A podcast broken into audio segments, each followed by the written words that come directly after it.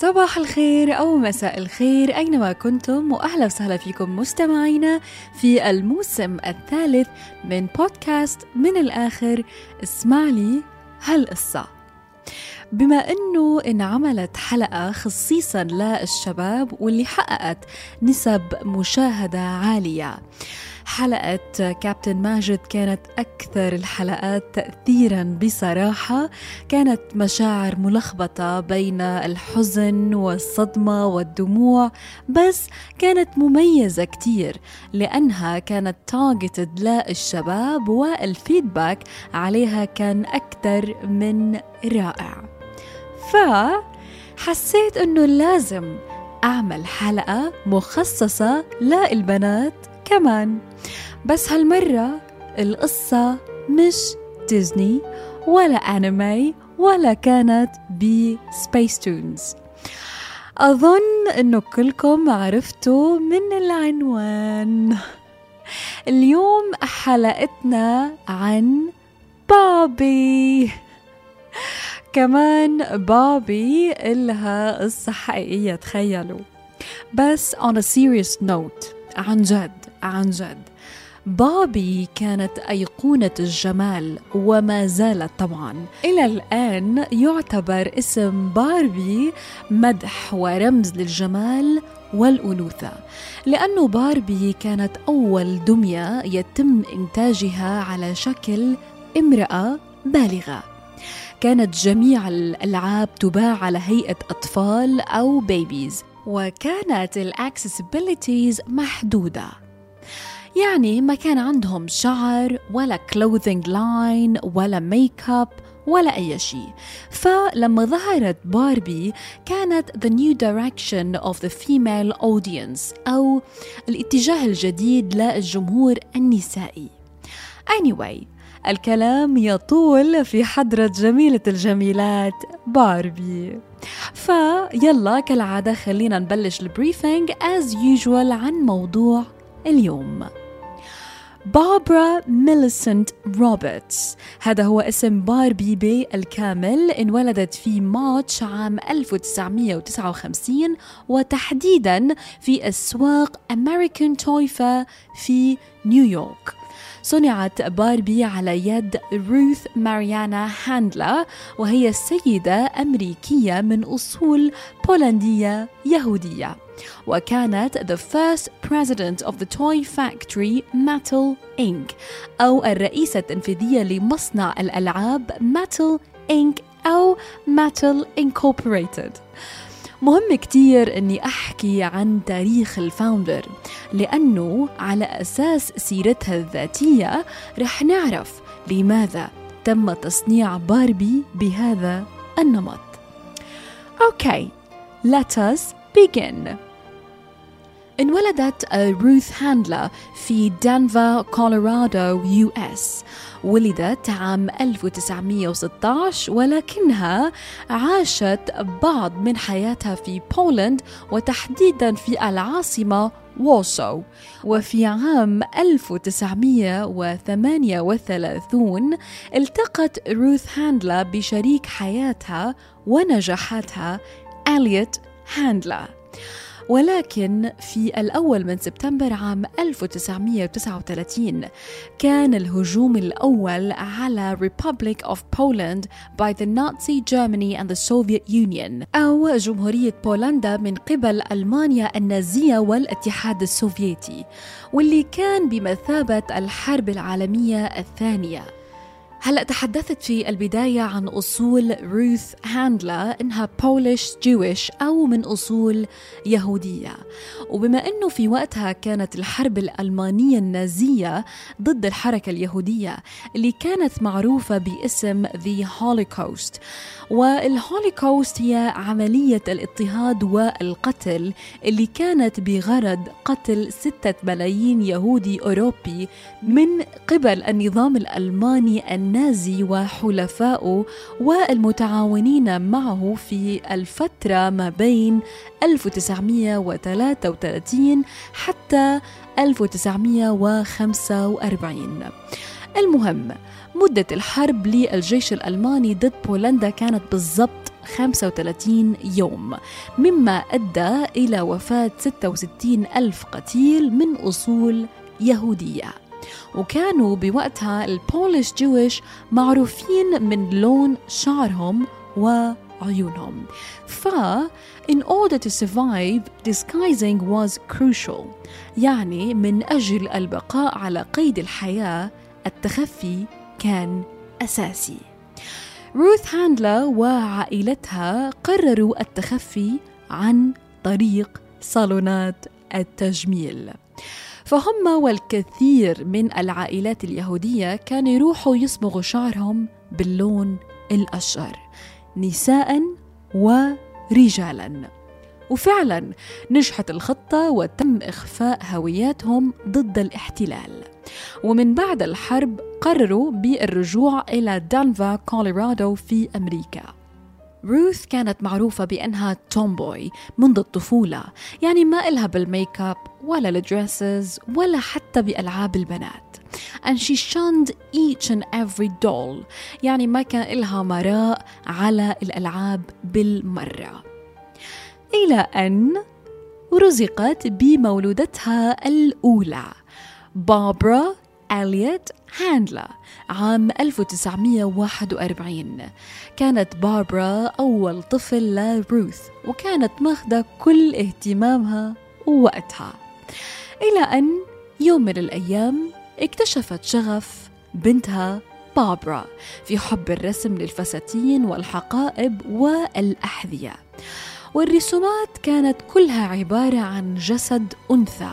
شعرها طويل وجسمها حلو وعندها العديد من ال dresses والميك اب قالت لها ماما ليش ما بتلعبي بألعابك؟ قالت لها لأنه كلهم على هيئة أطفال وأنا بحب أنه يكون في عندي شيء بيشبهني. في هذا الزمن كان عمر بابرا 18 سنة. وهنا تكمن العبقرية. في مثل بالإنجليزي بيقول necessity is the mother of invention. أو الحاجة هي أم الاختراع. فعلا اكتشفت روث إنه في جاب بالموقع وحكت ليش فعلا جميع الدمى على هيئة أطفال. Ruth Handler then realized there was an important niche in the market. للألعاب اللي بتسمح للبنات إنهم يتخيلوا شكلهم بالمستقبل. لأنه الأولاد كان ممكن يلعبوا بالشارع برا أو بالسيارات فإرضائهم ما كان صعب. أما البنات في عمر المراهقة وبالذات في زمن الخمسينات الأكسسبيليتيز كانت محدودة. ومن هنا ابتدأت مرحلة البحث والسعي لروث هاندلا فقررت روث وزوجها أليوت to start their own corporate.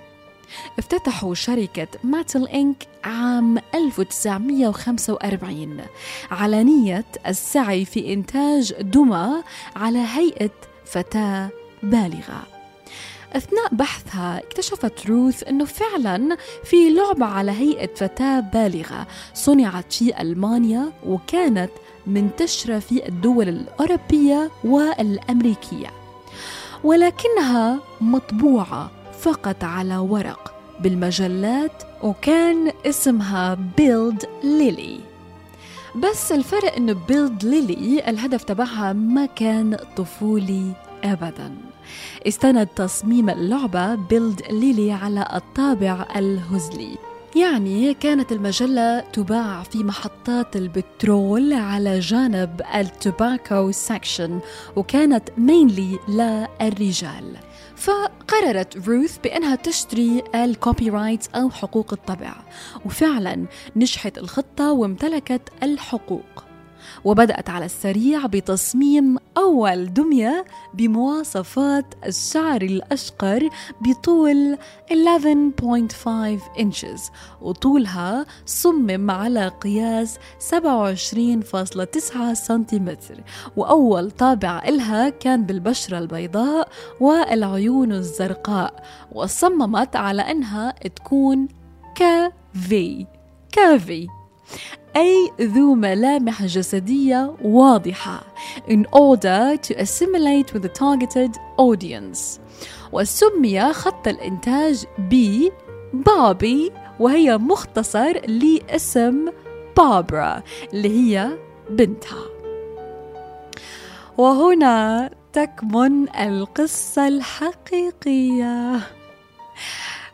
تكلمت قبل شوية عن بيلد ليلي اللي هي اللعبة الأساسية أو الحقيقية اللي كانت مطبوعة على ورق. فبما أنه بيلد ليلي بوقتها كانت منتشرة كتير وكانت معروفة كتير بأنها غير طفولية فلما بدأ إنتاج مشروع باربي اتفق الجميع على أنه ما هي إلا النسخة الجديدة من بيلد ليلي وخصوصا أنه بيلد ليلي انعدم وجودها من الموقع بسبب حقوق الطبع فصاروا العالم يدخلوا باربي على ال bachelor parties بغرض إنها اللعبة للبالغين فقط. وأخذت باربي هذا الطابع لوقت طويل.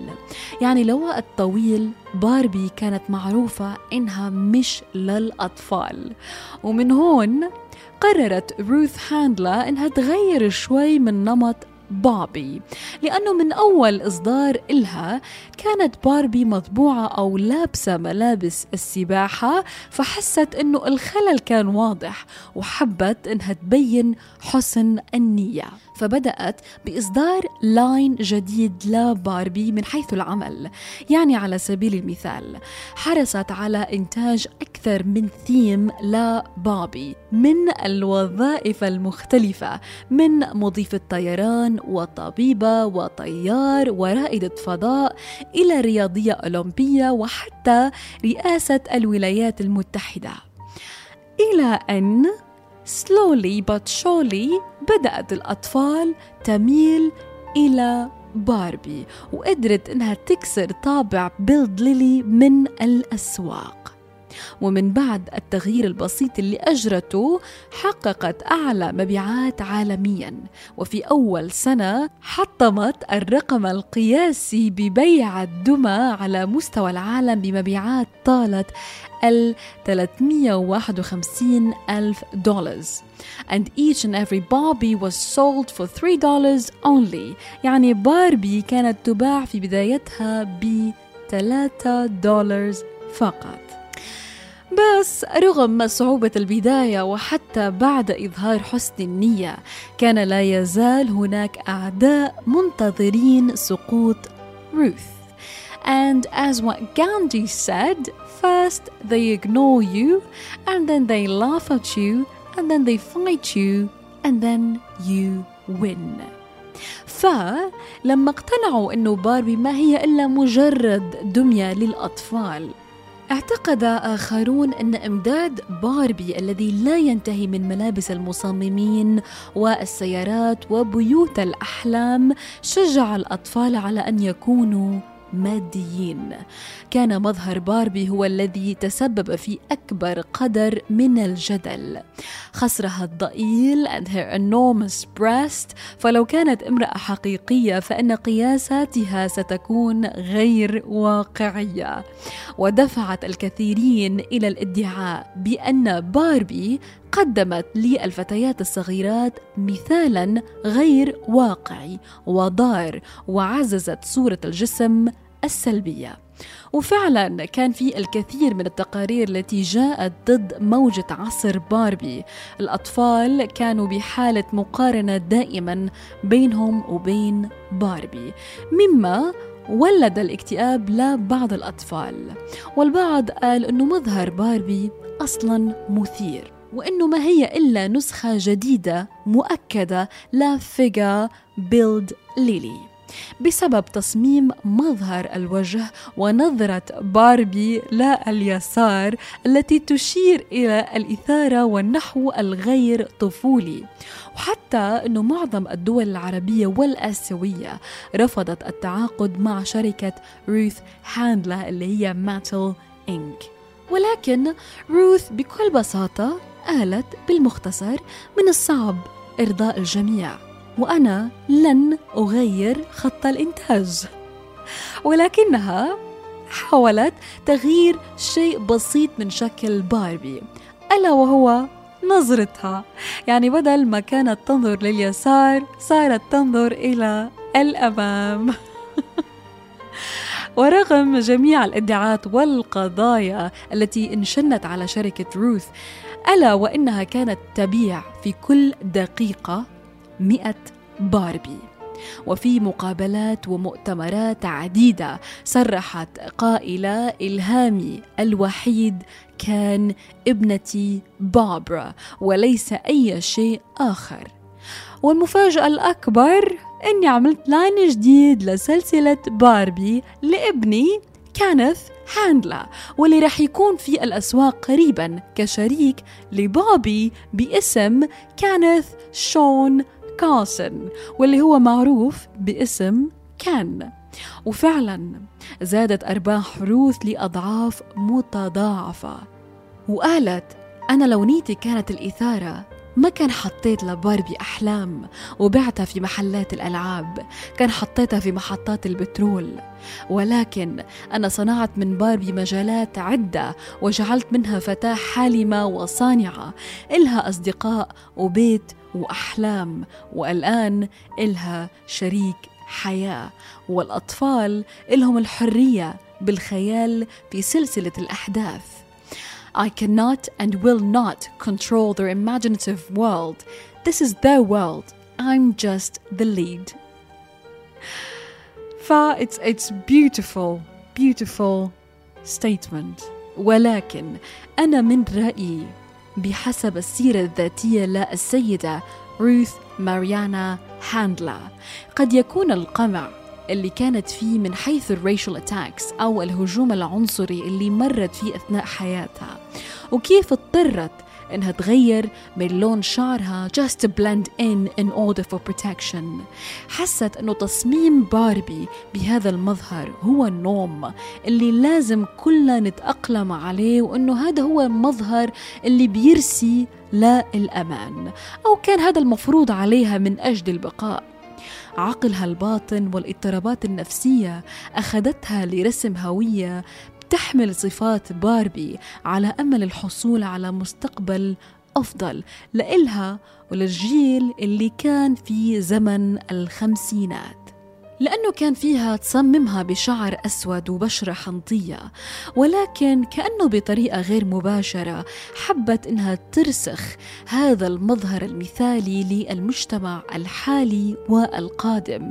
لأنه بمجرد تغيير لون شعرها قدرت إنها تهرب من الحرب وقدرت إنها تنجح ويمكن بمجرد تغيير النمط المعتاد عليه لدى الأطفال تقدر تغير وتلهم أجيال من حيث المقاييس والاهتمام بالمظهر الخارجي والداخلي اللي هي المهن اللامحدودة اللي خلقتها لباربي وللفتيات وفعلا هذا اللي صار.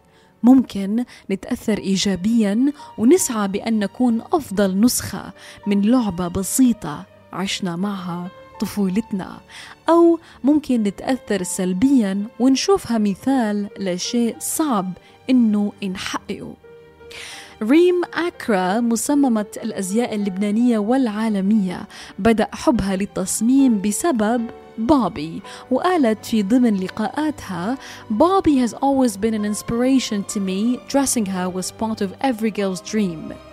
فروث هاندلا استوحت الفكرة من بنتها واستوحت التصميم من ظلم الحياة.